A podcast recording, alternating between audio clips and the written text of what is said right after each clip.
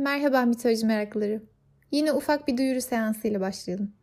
Spotify'da yaptığım mitolojik inciler şarkıları çalma listemizi biri sabote etmiş.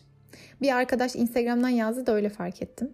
Meğer ben listeyi herkesin düzenlemesine açık olarak oluşturduğum için biri de girip oradaki tüm mitoloji temalı şarkıları listeden kaldırıp yerine saçma sapan İspanyolca şarkılar eklemiş. Ben arada siz bana şarkı öneriyorsunuz. Direkt oraya ekleyin de herkes yararlanabilsin diye öyle ayarlamıştım. Bana gıcık olan emeğe saygısızın biri girip maalesef listeyi mahvetmiş. Bir kez daha etrafta böyle işi gücü milleti çekemeyip işini bozmak olan insanlar olduğunu hatırladım.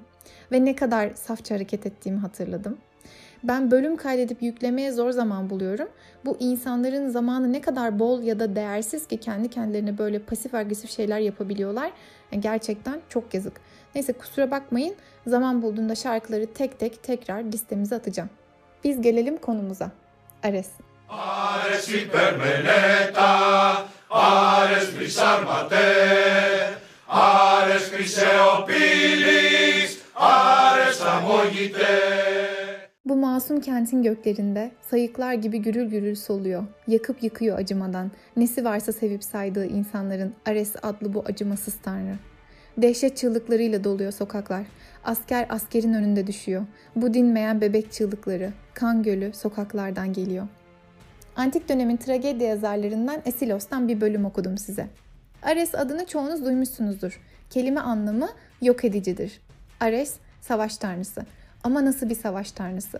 Gözünü hırs bürümüş, kan dökülmesinden, vahşetten beslenen bir savaş tanrısı. Neredeyse tek kıyafeti savaş zırhı, miğferi ve silahları. Diğer Olimpos tanrıları gibi her davette, her okazyonda kıyafet değiştirmez. O kendini sadece zırhında rahat hisseder. Hep savaşa hazır gezer. Savaşta inanılmaz korkunç bir savaş narası atar. Herkes korkar. Köpek ve akbaba onun en önemli hayvanlarıdır. İlyada'da Athena ve Apollo Ares'e şöyle seslenirler. Ares, Ares, insanlar musibeti, kan içici, kaleler yıkıcı Ares.'' Athena'nın da savaşçı yönü vardır. O yüzden Ares sık sık Athena ile karşılaştırılır. Hatta Athena heykellerinde, tablolarında vesaire Athena'nın da zırhla, miğferle tasvir edildiğini görürsünüz. Ama şöyle bir fark var. Athena stratejik savaşla ilgilidir. Desteklediği karakterlere komplolar kurdurur, kurnazlıklar yaptırır, stratejilerle savaş kazandırır. Ama bunu şey sanmayın yani Athena aman kan dökülmesin anlaşmanın yolunu bulalım hiç savaşmayalım diye düşündüğünden değil. Athena da savaş sever, olay sever seçtiği kahramanların işte mesela Odysseus'un, Tezeus'un filan kulağına onları bu çatışmalara itecek şeyleri fısıldar. Ama Athena bu çatışmaları kurnazlıkla kazanmanın yollarını da bahşeder onlara. Mesela Yunan mitolojisindeki en kurnaz karakterlerden biri Odysseus'tur ve Athena onu çok fazla olaya sürüklemiştir. Hatırlayın Truva Savaşı'nda Akileus kadın kılığında kadınların arasına gizlenmişti. Odysseus ne yapıp edip onun gerçek kimliğini ortaya çıkarmış ve onu savaşa katılmaya ikna etmişti. E, savaşta tahta at fikrini de o bulmuştu. Savaş dönüşünde Kirke'yi kendine aşık eden de oydu. Yani Athena'nın tarafında olanlar hep daha kurnaz ve bence daha tehlikeli olanlar. Çünkü saf acımasızlık daha öngörülebilir bir şey. Ama acımasızlık ve kurnazlık birleştiğinde çok daha korkunç olabiliyor. Yani bu benim fikrim tabii. Evet Ares de çok korkunç. Her yer kan gölüne dönsün derdinde. Ama düşmanınız Ares ise sonuç kötü dahi olsa onu hep düşman bildiğiniz için canınız belli bir seviyede yanar. Ama düşmanınız Athena ise bence çok büyük şaşkınlıklarla canınız çok daha acıyabilir. Mesela Truva Savaşı'nda Truvalı olduğunuzu düşünün.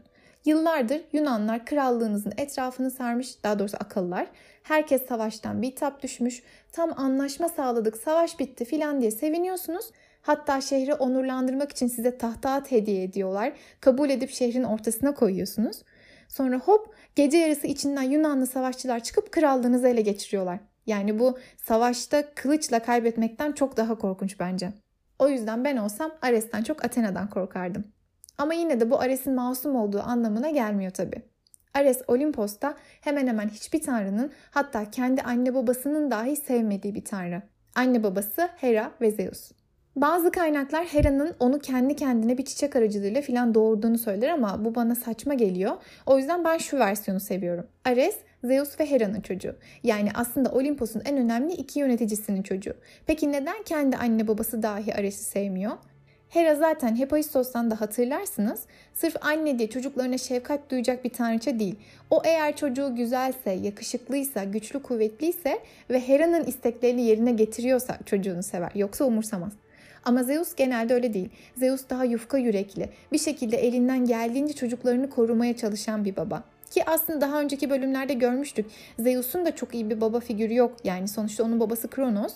Gücü çocuklarına kaptırma endişesiyle çocuklarını yutan bir titan. Zeus nasıl babalık yapılacağını kendi babasından bilmemesine rağmen yine de kendi çocuklarına iyi kötü destek olmaya çalışıyor. Ama o dahi Ares'ten pek haz etmez. Athena'yı ne kadar seviyorsa Ares'ten o kadar uzak durmaya çalışır. Tabi bunda Ares'in karakterinin de etkisi var. Ares hiçbir görgü kuralını umursamaz, verdiği sözleri tutmaz. Tıpkı savaş alanında olduğu gibi hiçbir yerde kural tanımaz. Ama Olimpos'taki diğer tanrılar öyle mi? Onların kendilerince belli değerleri var. Dress kodları, davranış kalıpları filan var. Ares ölse bunları umursamaz. Ahlaki değerleri filan da yoktur. Homeros İlyada'da Zeus ve Ares arasındaki bir sahneyi şöyle anlatır. Bulutları devşiren Zeus yan yan baktı. Dedi ki, böyle ağlayıp durma dizimin dibinde. Dönek. Olimpos'ta oturan tanrılar arasında benim en tiksindiğim tanrısın sen. Hep hırgür, kavga, savaş senin işin gücün. Eli avuca sığmaz huysuzluğun biliyorum. Annen Heredan miras sana. Ben de ona zorla dinletirim sözümü. Onun öğütlerinden geldi başına ne geldiyse. Ama böyle acı çekmene de dayanamam. Benim soyumdan gelmişsin bir kere. Benden doğurdu anan seni. Yoksa bu yıkıcı, bu karıştırıcı huyunla bir başka tanrıdan doğmuş olsaydın sen çoktan Uranüs oğullarının yurdundan ta aşağılarda bulurdun kendini. Bunu dedikten sonra Zeus etrafındakilere yaralı Ares'in iyileştirilmesini emreder. Olimpos'ta fiziksel güzellik dışında çok değer gören diğer şey de zekadır. Sadece eylem tanrısı olmak aklınızı kullanmadıkça sizi pek değerli kılmaz. Bakınız demirci tanrı Hephaistos'la uğraşıp bir şekilde Olimpos'ta yerini almıştı. Tanrıların saraylarını inşa etti, onlara savaş malzemeleri ve mücevherler yaptı. Evet el emeği değer görüyor çünkü tanrıların onun yaptığı şeylere ihtiyacı var. Ama kişisel olarak değer görüyor mu? Hayır. İşçisin sen. Ares de zeki olmadığı için sadece fiziksel güç sahibi olduğu için çok değer görmez. Çünkü strateji kuramadığı için aslında sıkça yenilgiye uğrar. Yenilip komik duruma düştüğü çok hikaye var. Mesela geçen bölümlerin birinde Azrailhat'tan alıntılayarak okumuştum. Poseidon'un iki dev oğlu Otis ve Epialtes Olimpos'u ele geçirmek ve Hera ve Artemis'i kaçırmak için Olimpos'a kocaman taşlar fırlatmaya başladıklarında tanrılar Olimpos'u korumak için savaşırken Ares de oradadır. Ama devler tarafından yakalanıp bir kutuya kapatılır. Ki devler de koca cüsseli, güçlü ama aklı az karakterlerdi genelde mitolojide. Ares onlara dahi yenilir. Nasıl? Devlerin fırlattığı taşlardan biri bir anlığına gardını düşünen Ares'i bayıltır ve devler Ares'i tunçtan bir küpün içine hapsederler. Sonra bir şekilde tanrılar bu savaşı kazanır ama Ares'in hapsedildiği yeri bir türlü bulamazlar. Ares 13 ay o küpün içinde kalır. Sonunda iyice güçten düşmüşken bir gün Hermes onu bulur ve küpten kurtarır. Dikkat ederseniz Ares ve Olimpos'taki diğer tanrılar arasında hiç bağ yok değil ama genelde birbirine işi düşünce hatırlanan bir akrabalık. Gerçi Ares'in onlara çok işi düşmez ama onlar ne zaman kaba kuvvete ihtiyaç duysalar Ares'ten yardım isterler. Neyse genel olarak Olimpos'taki tanrılarla pek anlaşamadığı için Ares Olimpos'ta takılmaz. Trakya'da yaşar. Bu da ilginçtir çünkü Truva Savaşı'nda gördüğünüz gibi Trakyalılar ve Yunanlar arasında tarihte de sıkça çatışmalar yaşanmış. Bir Yunan tanrısı olarak Ares'in Olimpos'ta ya da bir Yunan şehrinde değil de onlara genelde düşmanlık yapan Trakyalıların tarafında yaşaması, yani Trakyalıların vatanında yaşaması aslında Ares'in Yunan mitolojisinde ne kadar dışlandığını gösteriyor. Trakyalılar da Ares'i çok severmiş. Mesela Spartalılar savaştan önce Ares'e taparlarmış. Mesela Dionysos da sürekli Olimpos'a takılmaz. Dünyayı dolaşır. Ama Dionysos Ares gibi direkt Yunanların karşısında yer almaz. Ares tam tersini yapıyor. Onun ne kadar asi ruhlu olduğunu buradan da görebilirsiniz. Bir nevi siz beni istediğiniz kadar dışlayın. Ben zaten sizden biri olmak istemiyorum ki deme şekli gibi. Bu arada Trakya demişken şunu söylemeden geçmeyelim. Amazonlar bölümünde anlatmıştım. Ares Amazon kadınlarının babası, atasıdır. Amazonlar ve Trakyalılar arasında da savaş çıkar ve Ares bu savaşın çıkması için iki tarafı da kışkırtmıştır. Burada da aslında yok bunlar benim kızlarım, diğerleri de benim topraklarında yaşadığım insanlar filan demeden herkesi birbirine kırdırdığını görüyorsunuz. Yani onun derdi yeter ki savaş olsun, kırım olsun. Bu arada Trakya'da yaşayan bir tanrı olarak Ares Truva Savaşı'nda Trakyalıları destekler. Bu annesi Hera'yı çok kızdırır. İki sebepten ötürü. Bir, Sen nasıl benim seçtiğim tarafın karşısında yer alırsın? 2. Hatırlayın savaşın çıkmasına sebep olan Paris en güzel tanrıçı olarak Hera'yı değil Afrodit'i seçmişti. Hera'nın zaten oradan Truvalara bir gıcığı varken oğlu bunu nasıl yapıp da o tarafa destek verebilir? Hera bunu kabul edemez. Zeus da dediğim gibi Ares'ten çok hoşlanmaz. Onun yerine Athena onun göz bebeğidir. Athena'nın isteklerini yerine getirmeye çalışır. Onu över sürekli. Ama Ares'ten haz etmez. Ares'in tarafından bakarsanız bu bayağı üzücü bir durum. Evet çok haz edilmeyecek bir mizacı olabilir ama sürekli zekasıyla alay edilmesi, kendisine kötü bakılması yanında hep diğer karşıt mizaçtaki çocuğun yere göğe sığdırılamadığını görmek zor olsa gerek. Bu arada şöyle de ilginç bir söylence var. Her yerde kabul görmüş değil ama bilin yine de. E, Ares'in yardımcıları var. Deimos korku, Enyo savaş katliam, Eris fitne fesat ve Phobos şiddet yaratır. Bunlar Ares'in yardımcıları ya da çocukları olarak bilinen daha alt seviye tanrılardır. Bir söylenceye göre Ares bir gün bu yardımcılarıyla beraber Olimpos'a karşı isyan başlatır ve Olimpos'u düşürmeyi başarır. Yani isterse Zeus'un yerine geçebilecektir. Ancak amacı sadece dikkat çekmek olan bir çocuğun bir şeyleri tekmelemesi gibi dikkati üzerine çektikten sonra fazlasını istemez. Taht sana kalsın der Zeus'a. Tek bir şart koşar. Ben insanları birbirine kırdırırken siz karışmayacaksınız, bana engel olmayacaksınız der. Tanrılar kendilerini düşündükleri için kabul ederler. Denir ki bu yüzden o günden beri yeryüzünde savaşlar, çatışmalar hiç bitmez ve artık tanrıların yardımını alamadığı için insanlar onları unutmuştur. Ares'i kimse sevmezken onu tek seven kimdi hatırlarsanız Afrodit. Afrodit tam bir Olimpos tanrıçası. E, Ares Olimpos'a bu kadar zıtken ikisinin aşkı bayağı zıt kutupların çekimi aslında. Tabi ikisinin de başka ilişkileri de oluyor. Afrodit'in Adonis'e ne kadar düşkün olduğunu, hatta Ares'in kıskançlıktan onu öldürttüğünü hatırlayın. Ares'in de başka gönül ilişkileri var. Bunlardan en bilinenleri Aerope ve Otrere ile olanlar. Aerope ölümlü bir kadın ve Ares'in çocuğunu doğururken vücudu bir tanrının çocuğunu doğurmaya dayanamaz ve kadın ölür. Otrere de Amazonların kraliçesi. Ares'le birlikteliğinden Penteselia doğar. Penteselia annesinden sonra Amazonların kraliçesi olduktan sonra Truva Savaşı'nda Akileus tarafından öldürülmüştü hatırlarsınız.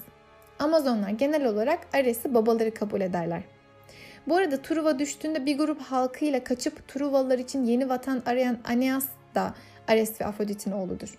Neyse belki Ares'in ilişkileri ve çocuklarıyla ilgili ayrı bölüm kaydederim. Çünkü bölüm süreleri uzadı. Eskiden ne güzel kısa kısa dinliyorduk diye eleştiriler geliyor. Ama Ares'in en büyük aşkının Afrodit ve çocuklarının da Eros olduğunu unutmayın. Bu iki zıt karakterin bileşiminden doğan Eros'un hem nefret oku hem aşk oku olmasına ve aşkın insanı hem bu kadar mutlu eden hem de insanı bu kadar acı çektiren bir şey olmasına şaşmamalı. Ares Roma mitolojisinde Mars olarak bilinir. Yunanlar Ares'ten ne kadar nefret ediyorsa Romalılar tam tersine Mars'ı o kadar çok sever. Onu Roma İmparatorluğu'nun temelini atan Romus ve Remulus'un babası olduğuna dair söylenceler de var. Romalılar imparatorluğu genişletme hırsıyla saldırılar düzenlerken Mars figüründen çokça yararlanmışlardır.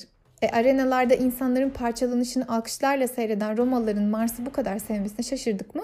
Hayır.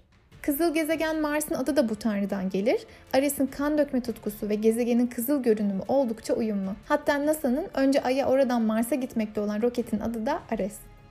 Mart ayı da adını Romalıların savaş tanrısı Mars'tan alır. Bu arada spiritüalizme, enerji konularına inananlar Ares ya da Mars isminin kullanılmasını önermezler. Mesela çocuğunuza ya da evcil hayvanınıza Ares ismi koymayın. Karakteri bundan etkilenir derler. Mesela ben de çevremde görüyorum e, köpeğine Ares ismini verenlerin sayısı çok fazla.